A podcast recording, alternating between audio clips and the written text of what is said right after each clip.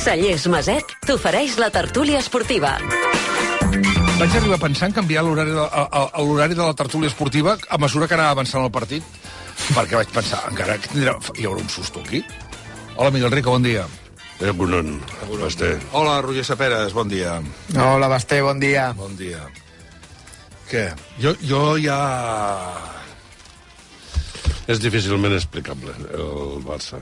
Sí, mira que la primera part jo em pensava que, que dic, mira, m'aniré a dormir tranquil, que demà en llevo molt d'hora una altra vegada, i mira, i, i no, no, em van fer aguantar fins al final de tot, eh?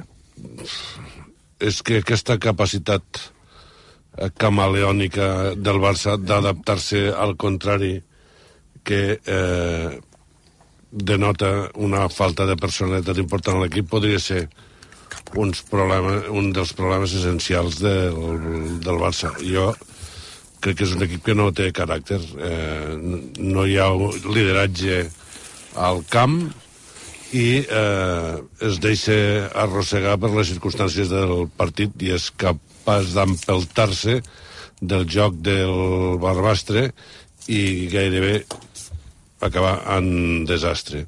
Eh, el primer temps va començar molt bé, eh, però la segona part, amb aquesta manera d'encomanar-se la, a la, amb la mediocritat, eh, va tenir moments absolutament desesperants, amb menció especial per Joao Fèlix, que té un nivell d'abúlia i falta de competitivitat que eh, permetria entendre que qualsevol juvenil del Barça jugués amb el seu lloc perquè, eh, com a mínim, amb les ganes que hi posaria el xaval Sí, sí, de torn, Jo- jo... n'hi hauria prou per millorar l'actuació del portuguès. Jo et dic, et dic una cosa amb el Joao Fèlix, que no entenc com encara algú el vol, el vol comprar. No, No, que no entenc, no sé, no no. entenc, no entenc, no entenc. Aviam, a Saperes. Eh, doncs bastant d'acord, o pràcticament eh, subscric tot el que deia el Miguel amb això de que Barbastre gairebé fa rodolí amb, amb desastre. Cony, eh, no, és, és Sí, veritat. sí, sí, és a dir, sí, sí, sí, i, això. i que el que deies tu, eh, que jo vaig començar el partit bastant satisfet pel que era un partit de Copa, no? que sempre intuïm que és un partit que fa mandra. Jo crec que el Barça se'l pren seriosament. A la primera part el Barbastre, com ha de ser, no? tenint en compte la diferència entre els tots dos equips, pràcticament no s'acosta a la porteria de, del Barça. A mi em va semblar un bon Barça per ser aquesta eliminatòria de, de Copa, amb noms una mica destacats, no sé, Rafinha, Fermín, De Jong, eh, Héctor Ford, també em va semblar que, que tenia una bona actuació, però ahir el Barça va fer a la inversa, no? Si, si sempre el que hem trobat a faltar és que entrés connectat als partits, jo crec que ahir ho fa, tenint en compte quines són les circumstàncies, i en canvi es desfà absolutament a la segona part on tornem a veure un, un Barça inconsistent, fruit de la relaxació, d'una baixada de tensió, i crec que el Barça no pot acabar amb aquestes sensacions contra un equip de segona ref i havent de treure a Lewandowski i Gundogan, dos jugadors que no havien de jugar a aquest partit i que acaben sortint, i també molt d'acord amb el que comentàveu de, de Joao Fèlix. Jo vaig ser un dels grans defensors que el Barça l'havia d'incorporar sí. per l'oportunitat que suposava a nivell de, de portar talent, tenint en compte la situació econòmica del club, però crec que no està fent cap mèrit perquè el Barça hagi de fer un esforç econòmic majúscul, com intuïm que hauria de ser per quedar-se. Jo és que mm, mm, tinc la sensació de que eh, el, el famós ADN del Barça i la filosofia de l'equip s'està diluint amb el pas dels anys. Eh, eh, quan jo era jove i el Cruyff manava, eh, ell parlava de que el Barça havia de tenir els 3 o 4 millors jugadors del món i després gent de la casa que acompanyés i complementés aquests quatre jugadors. Ara, potser per les circumstàncies econòmiques no ho discuteixo, a més no és lo important ara, en aquest moment. Lo important és que l'equip és exactament a l'inrevés del que mm, del Cruyff en el seu moment. Ara és com una piràmide invertida. A la base no estan els grans jugadors del món. A la base estan els jugadors del planter del Barça, els joves, que són gent, naturalment, com no pot ser d'una altra manera, sense prou experiència, amb, po- amb poc eh, cos físic, que provoca lesions permanents als jugadors joves. No cal més que pensar els últims jugadors referents de la, de la cantera, què els hi ha passat, quantes vegades s'ha lesionat Pedri, s'ha lesionat Gavi, s'ha lesionat Ansu Fati, eh, estem amb, que, perquè se'ls està forçant moltíssim perquè no tenen aquesta... El, no estan fets. I, i, i la base de, de la piràmide ara acaba en punxa, que són els joves, mentre que el, els que estan a dalt, els jugadors eh, consagrats que haurien de mantenir a, a, a l'equip amb, amb els màxims nivells de mm, rendiment esportiu, bueno, pues són jugadors que acompanyen i que donen la sensació que estan a Barcelona amb uns a, a, a fer l'últim gran contracte de la seva vida i, i, i, i guanyar uns bons calerets i dir, bueno, no he pogut fer més.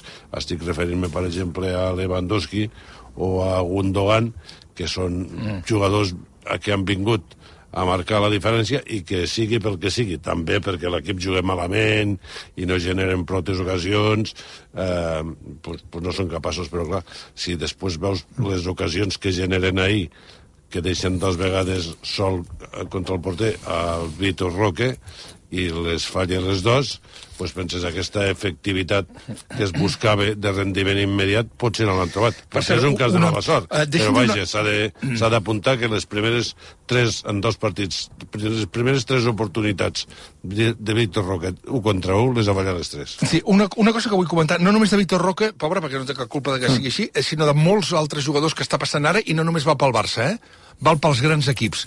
Quan es diu ara 30 més 30, amb, amb com diu això, variables, sí. amb variables, que abans les variables era si guanyes la Champions, dels que és 30, 15. Si guanyes la Lliga, 10, i si guanyes la Copa, 5. Val? Bueno, això això Escolta, és el que abans era com a dos plazos. Exacte. No, no. És que eres això. És això. O sigui, això ara... Això, no trobaràs cap document que digui que si guanya la Champions en 15. Vull dir, que fan és...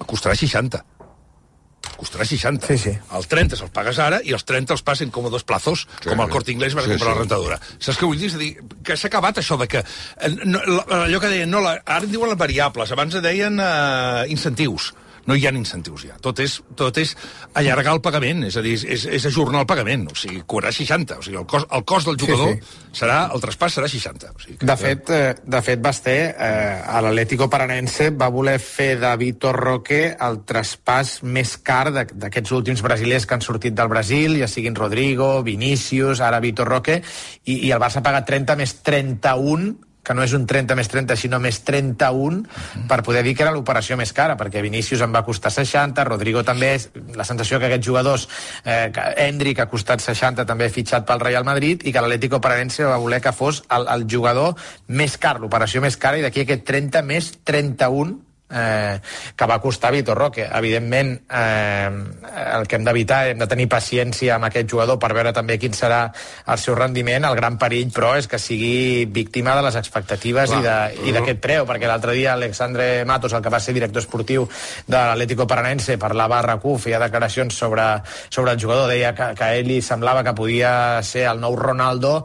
Hòstia, eh, no sé, jo recordo el primer partit de Ronaldo a Montjuïc i encara no l'he oblidat i crec que del Figeli tampoc eh, amb aquella elàstica en aquella Supercopa contra l'Atlético de Madrid. Allò era un, una cosa, eh, no et diré al nivell de Messi, però de les coses més bèsties que he vist al Barça. Per tant, a, amb molta paciència amb això i amb, i amb molt d'acord també amb el que deia el Miguel de l'acompanyament que té ara el Barça i que crec que el que li falta per qüestions econòmiques o de capacitat o del que sigui és el Sant Cristo Gros, el jugador que agafi les regnes en algun moment com en el seu eh, dia o havia estat Rivaldo o havia estat Ronaldinho i que en partits com aquests doncs t'acaba solucionant. Jo crec que Gundogan i Lewandowski Lewandowski ja no està en aquest nivell i el Barça això ho acusa i ho pateix. Bueno, anem acabant. Només deixem dir una cosa, que és dues. Una de, de, de, d'efectivament de Vitor Roca, que a mi quan vaig veure... Jo he de, dir, he de confessar que no l'havia vist mai jugar.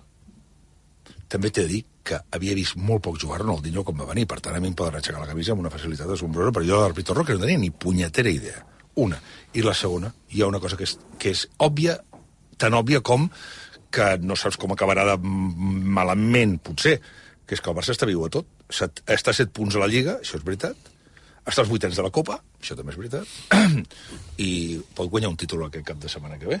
De fet, té una eliminatòria, la més senzilla, que és, aparentment, que és contra Sassuna, i veurem què pot passar en una final. T'imagina que, el, que, que el diumenge... Eh, sí, això és veritat, però és, això és que com, ja, ja, ja, ja, ja, per avui gana per demà. Que sí, quan que els sí. teus fills es presenten als exàmens finals i dius, de moment no n'ha suspès cap. Ja, ja, ja. Bueno, tampoc n'ha aprovat cap.